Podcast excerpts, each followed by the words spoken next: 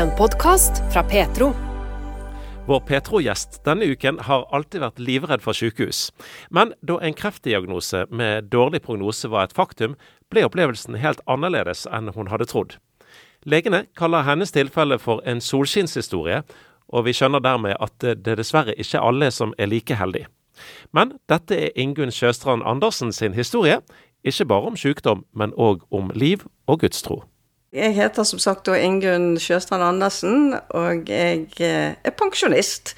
Eh, ja, så er jeg oppvokst i en kristen hjem. Har gått i eh, en menighet i Bergen i alle år. Ja, så har drevet mye med, med menighetsarbeid, da. Ja. Men eh, hva som gjorde at du eh, valgte å bli kristen sjøl, selv, selv om du vokste opp i et kristent hjem? Og det var vel eh, si, den, den, tryggheten som jeg følte ved å tilhøre Jesus. Eh, foreldrene mine Vi gikk jo alltid på møter i tabernaklet. Og det, liksom, det ble liksom en livsstil for meg, da. Og eh, selv om jeg enkelte ganger har vært tvilende til dette med med Jesus og sånn, så har det, har det alltid lagt der. Og det har aldri falt meg inn at jeg på noe vis skulle forsvinne vekk fra Jesus. Det har vært en trygghet for meg. Ja, ja Så eh, du tok ditt valg da som ganske ung, egentlig da, selv om tvil har vært der, som du sier? Ja. Ja da, jeg gjorde et bevisst valg, og jeg lot meg døpe. Og bestemte meg for at jeg skulle følge Jesus eh, resten av livet. Og det har jeg gjort. Mm. Og videre da utover, hva drev du med? Hva jeg har jobbet med, så ja. har jeg da jobbet med psykisk utviklingshemma i 40 år. Som har vært en fantastisk eh, jobb jeg har hatt. Det har vært veldig lærerikt og eh, berikende og ja, fantastisk å jobbe med denne type mennesker. Vi har mye å lære ut av de. Ja. Men Ingunn, for uh, noen år siden så fikk du vel en bombe i hodet. Det skjedde en brå omsnuing på livet ditt. Ja, det var i slutten av 2019. Eller det var vel egentlig høsten 2019 så begynte jeg å skjønne at det var noe som uh, ikke var helt sånn som det skulle være i kroppen min. Men da hadde jeg hatt en veldig tøff eh, tid på jobb. Jeg hadde vært mye sykemeldt. Og eh, jeg satte alt på den kontoen at det var jobbens skyld at jeg var trøtt og sliten, og at jeg eh, ikke orket så mye, da. Mm. Men eh, så når det nærmet seg jul, så begynte symptomene å bli litt verre, da. Da fikk jeg problemer med å kjøre bil. Jeg, jeg eh, traff alle fortauskanter med bilen, da, og jeg kunne ikke forstå hvorfor det. Men jeg, eh, jeg, jeg klarte ikke å ta det innover meg at, var, at, det var noe alvorlig i veien med meg. Eh, jeg slet, jeg spiller piano, jeg slet med å finne tangentene. Jeg trodde det var pianoet det var noe i veien med. Og, og så kom søsteren min hjem på juleferie, da. Hun er sykepleier. Og da merket jeg det veldig, for når jeg skulle da eh, si en setning, så klarte jeg ikke å si setningen ferdig. Eh, når jeg var kommet halvveis i setningen, så eh, husket jeg ikke hva det var jeg hadde snakket om. Så da begynte jo søsteren min da å, å skjønne at her er det noe som river av ruskende galt. Og eh, så klarte jeg ikke lenger å holde en gaffel i hånden. Jeg mistet den hele tiden. Jeg klarte ikke å ta på meg sko, for jeg fant ikke eh, ut hvor jeg skulle sette foten. Så, så da begynte det å, å, bli litt sånn alvorlig. Og så plutselig så Og, og søsteren min, da, hun ville jo at jeg skulle ta kontakt med lege. Jeg var jo ikke interessert i det i det hele tatt. Det var ikke noe aktuelt for meg. Men så eh, besvimte jeg. Og eh, da begynte jo ballen å rulle. Da var det jo eh, eh, sykebil og rett opp på Haukeland. Og eh, til og med der oppe så prøvde jeg å overbevise legene om at uh, det er ingenting i veien med meg. Jeg har møtt veggen. jeg uh, har hatt det så tøft på jobb. Og eh, det, det, er derfor jeg har det sånn som jeg har det. Ja. Men det skulle vise seg at det var det ikke? Det var det ikke. For det at da når uh, Siden jeg hadde besvimt, da, så eh, har de prosedyrer på det at eh, de må ta røntgen av hodet. Og da ble det tatt en MR. Og når den var tatt, så ville de òg da ta CT av resten av kroppen min, da.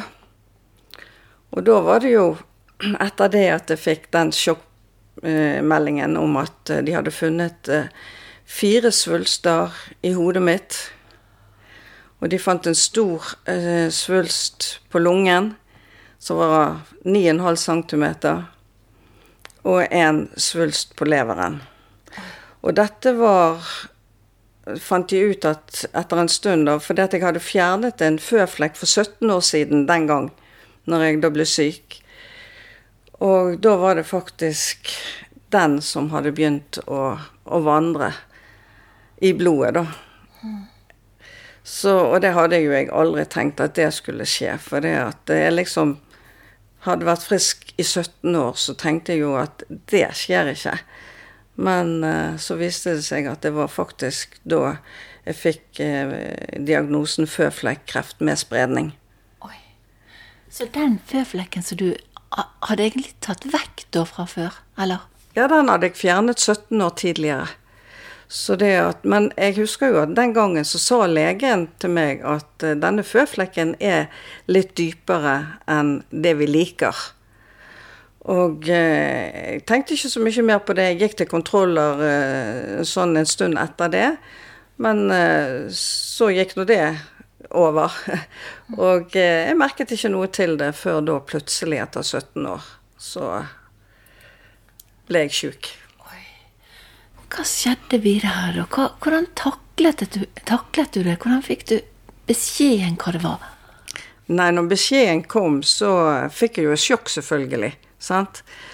Men eh, samtidig så har jeg en søster som er, hun er veldig bønnemenneske. Og eh, hun ringte rundt til eh, alle sine venner og alle mine venner og sa nå må vi be for Ingunn, for det at eh, hun eh, er alvorlig syk og eh, skal må opereres i hodet. Og dermed så så følte jeg en sånn utrolig trygghet. Jeg ble, jeg ble så trygg inni meg og var overbevist om at dette skulle gå bra. Selv om i utgangspunktet så var jo eh, diagnosen i seg sjøl helt eh, Du kan ikke tro at det gikk an å bli frisk. Og legen hadde sagt til meg på forhånd at vi kan ikke gjøre deg frisk, men vi kan eh, holde det i sjakk. Men så ble jo jeg da operert i hodet, og før, før operasjonen så fikk jeg eh, beskjed om at det var 50% sjanse for at jeg ikke kunne snakke etterpå, og ikke ville kunne gå.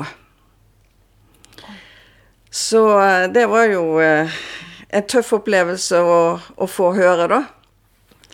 Men når jeg var ferdig operert i hodet, da, så satt legen ved sengekanten min og eh, ser på meg. Og jeg, når jeg våkner, da, så, så, kjenner jo jeg han igjen med en gang. Og så ser jeg på han, så smiler jeg, og så sier jeg til han 'Å, hei, er det du som sitter her?' Og da ble jo han så utrolig glad. Sant? For han skjønte jo det at her har vi gjort en god jobb.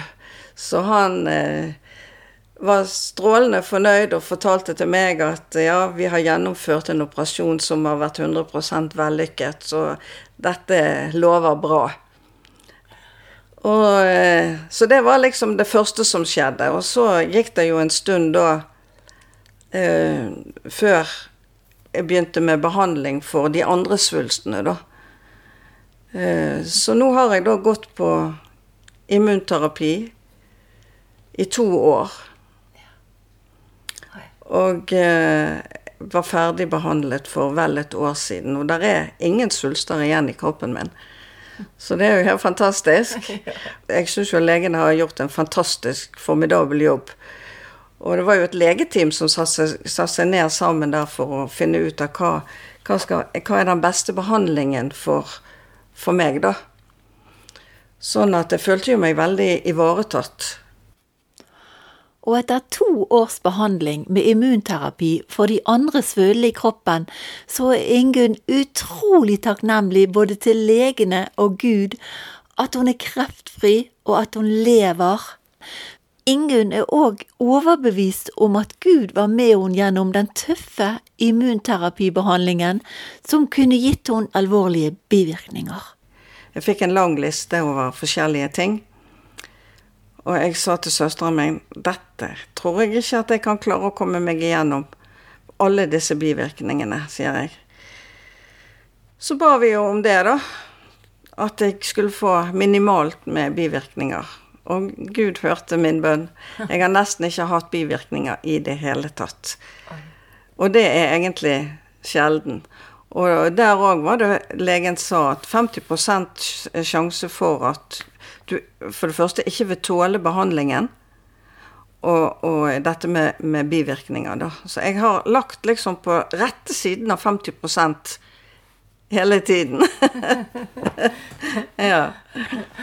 Ja. Det er jo helt utrolig, Ingunn. Du sitter her og stråler, og jeg skulle ikke tro du hadde vært nesten inn i døden, eller ikke bare nesten, du var vel mer eller mindre Det var jo en diagnose så du fikk beskjed om at altså, det, det kunne ikke nesten overleve etter en sånn alvorlig diagnose? Nei, det var jo det jeg fikk beskjed om, at uh, de kunne ikke gjøre meg frisk. Så, uh, så det, at, det, at, jeg sitter her i dag, det ser jeg på som et stort gudsunder. Ja.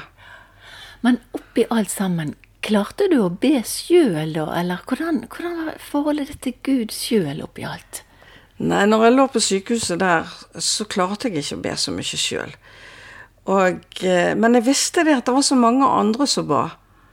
Så, så eh, Derfor så eh, på en måte syns jeg ikke det gjorde så mye. For det at når alle de andre ba, så, så visste jo jeg det at Gud hører alles bønn. Så jeg følte meg så utrolig trygg. Jeg har jo alltid vært livredd for sykehus og sånne ting. Og jeg lå der, og jeg kjente bare en sånn vidunderlig fred inni hjertet mitt som det er nesten ubeskrivelig. For eh, jeg har aldri likt å være på sykehus. Jeg har aldri likt å besøke folk der. Eh, så å liksom bli syk og komme der sjøl, det var helt utenkelig for meg. Men uh, det var en forunderlig opplevelse, det òg, å kjenne at jeg hadde den freden inni meg, da. Mm. Guds fred som overgår all forstand, den fikk du virkelig merke. Ja, det fikk jeg virkelig merke. Så fikk jeg jo en del bibelvers underveis, da. Og jeg fikk bl.a. et bibelvers som sier at du skal ikke dø, du skal leve og forkynne Herrens gjerninger. Mm. Og det siste der så tenkte jeg forkynne Herrens gjerninger, hvordan skal jeg, hvordan skal jeg gjøre det? Jeg har aldri vært en person som har løpt frem på talerstolen for vitnet og, og den type ting, da. Men eh, eh, nå når jeg var blitt frisk og sånn og sånn, så har jeg kjent at det, det har boblet inni meg. Og dette må jo jeg fortelle til noen. Eh, og jeg, jeg, fortalte det til legene og sa til dem jeg skal bli frisk, jeg. Og de så litt rart på meg, og eh, nik, noen nikket liksom med hodet. Ja ja, sant. Men nå kaller jo de det for en solskinnshistorie. Legene, da. Mm. Ja. Og det er det jo, samtidig som det er et stort gudsunder. Ja. Mm. Så eh, Ja, og så er jo jeg med og synger i en, i en sanggruppe. da Vi er fem stykker som synger, og vi er ofte ute og synger på, på gudstjenester og sånn. Og i den forbindelse så har jeg fått lov til å fortelle min historie. Eh, for jeg vet at det er mange rundt omkring i disse små menighetene som har vært med og bedt for meg. Og da har det vært veldig godt for meg å kunne komme tilbake til de og fortelle og, og vise de at her er jeg. Jeg, jeg er et, et, levende bevis på at Gud hører bønn. Mm. Ja. Så midt midt i egentlig dødsskyggens dal, så fikk du den guddommelige freden. Den Ja. han var Ja, det, der. var helt, det, var, det, det var helt utrolig. Det er nesten så jeg ikke kan, kan forklare det. At jeg skulle få lov til å oppleve dette. Det hadde jeg egentlig ikke trodd. Ja. Så du, tenk, du tenkte ikke noe på døden heller, du altså? Jeg tenkte ikke på døden en eneste dag. Jeg, det, det, det sveiv meg ikke. Jeg vet at mange, når de får den, en, en form for en dødsdom eller, eller sånn, så begynner de å planlegge sin egen begravelse og sånn og sånn. Jeg har ikke vært der i det hele tatt. Jeg har aldri tenkt at jeg skulle dø. Jeg skal bare bli ferdig med denne sykdommen, og så skal jeg ut, og så skal jeg synge sammen med Hymnos, som er den sanggruppen som jeg synger i. Din tid var jo ikke kommet, Ingunn. Du skulle leve. Du var ikke Ja. kommet til at du skulle hjem til Gud ennå. Jeg skulle ikke det. Jeg har, har noen år igjen. Heldigvis for det. Ja. Men familien din og folk rundt deg, da, hvordan reagerte de når de fikk denne fryktelige beskjeden om at du hadde uhelbredelig kreft i menneskers øyne, da? ja, jeg tror nok eh, Jeg har en sønn på, som da var, var 20 år. Og for han var det veldig tøft. Og, men så er det, det er ikke så forferdelig lenge siden vi pratet litt om det, han og jeg. Og snakket om dette her, eh, om den freden som jeg hadde fått. Og så, og så sier han men det var jo det var jo tøft for deg, sier jeg til han. Ja, men mamma, jeg fikk veldig mye av den samme freden som du har fått, sier han. Ja. Men det var nok enda tøffere for søsteren min, da, som på en måte var sykepleier. Hun visste hva det gikk i. Og eh, det var knalltøft for hun, for å si det sånn. Hun skulle være i Bergen hos meg i, i eh, 14 dager på juleferie. Hun måtte være der i syv uker. Hun bor på Østlandet, da. Ja. Så for hun har det vært veldig tøft. Og eh, ja. Så, men eh, hun er jo så lykkelig i dag for at eh, ting har gått så bra som det har gjort. Så det var spesielle bibelvers òg, altså, som bar deg gjennom det hele, opplevde du? Ja da, det var det absolutt. Så eh, det er bare om å gjøre å holde fast på disse ordene, tror jeg. Og, og eh, leve i de fortsatt. Uh, og jeg, jeg takker Gud hver dag og ber Gud hver dag om at kreften aldri skal komme tilbake. For det, det er jo det man sant? Man tenker jo det kan det komme tilbake. Og det kan det. Selvfølgelig kan det det. Men eh, jeg, jeg går ikke rundt og tenker på det. Jeg lever i den troen at jeg er frisk, og takker for det hver eneste dag. Så eh, jeg har det egentlig veldig godt, sånn som jeg har det nå. Men tenker på at det er jo veldig mange som ikke får oppleve dette her, som dør. Hva kan vi si til de? Ja, og det er forferdelig vanskelig. Og det er, er vel noe som vi ikke har svar på i det hele tatt. Jeg har jo en venninne som har opplevd det motsatte av meg. Som eh, døde av samme diagnose. Og det er klart at eh, da stiller du et spørsmålstegn eh, ved hvorfor jeg var så heldig. Og hvorfor ikke hun fikk den samme opplevelsen. Men samtidig så, så får man ikke svar på det. Så jeg, jeg har funnet ut Jeg kan ikke gå rundt og gruble på det. Og våre dager er, som du sier, talte. Det, det er veldig vanskelig, egentlig, eh, akkurat dette, syns jeg, å svare på. Det er vel bare Gud som kan svare på det. Gud Ja. Gud om alle land lå øde, og Gud og Gud om alle mann var døde. ja, det er sant, det. Ja. Så Men eh, du hadde jo venner òg som kom med mat til deg og gjorde alt så forstår jeg fantastisk. Jeg hadde venner som kom med mat til meg. Det var jo akkurat i koronatiden, dette her. Da når den begynte. Eh, Norge stengte ned 12. mars 2020. Og da hadde jeg akkurat eh, hatt den første operasjonen. Ja. Så jeg fikk jo egentlig ikke lov å ha besøk. Så det var jo egentlig det verste tidspunktet å bli sjuk på. Men eh, jeg hadde venner som kom med mat til meg, ferdig middag, eh, rundstykker, boller Altså, det var utrolig opplevelse. Og de kom ikke bare med mat, de kom med omsorg. Altså, de kom med, med og ba for meg og salvet, for, salvet meg med olje. Og ja, det, var, det var bare helt fantastisk eh, å ha så gode venner. Jeg er utrolig heldig.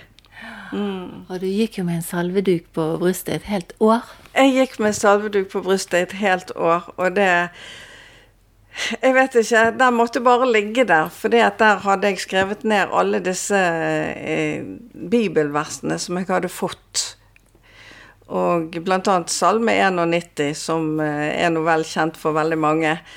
Og eh, de lå tett inntil brystet mitt i et helt år. Det måtte bare være sånn.